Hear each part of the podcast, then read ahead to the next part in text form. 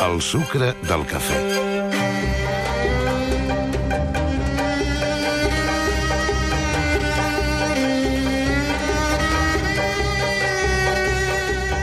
Les pel·lícules, les sèries de televisió i les novel·les ens acostumen a mostrar els assassins com a persones de diferent categoria moral, però amb una característica comuna. No volen que es reveli la seva identitat, amaguen el seu crim i esperen que ningú els assenyali com a culpables. Acostumen a mentir, a amagar o disfressar la veritat per estalviar-se el càstig i en alguns casos també la vergonya.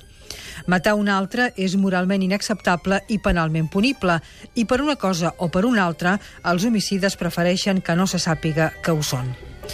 Però la cosa canvia radicalment si el delicte es transforma en un ordre que cal complir i el pecat en una heroïcitat. Llavors, l'assassinat perd el seu nom, la vergonya es transmuda en orgull i la mà executora busca el reconeixement i la glòria. Matar algú pot ser dolent o bo, segons qui sigui aquest algú i si és una bona acció, el món ha de saber qui ho ha fet.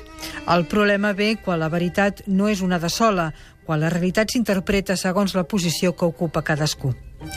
Dos soldats nord-americans es disputen l'honor d'haver matat Osama Bin Laden, el líder d'Al-Qaeda.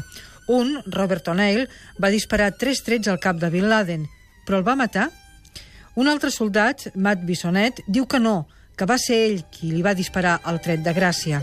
La disputa s'ha convertit en un debat mediàtic. El primer ho explica en una entrevista al Washington Post, el segon en un llibre que ha escrit i també a la cadena de televisió CBS.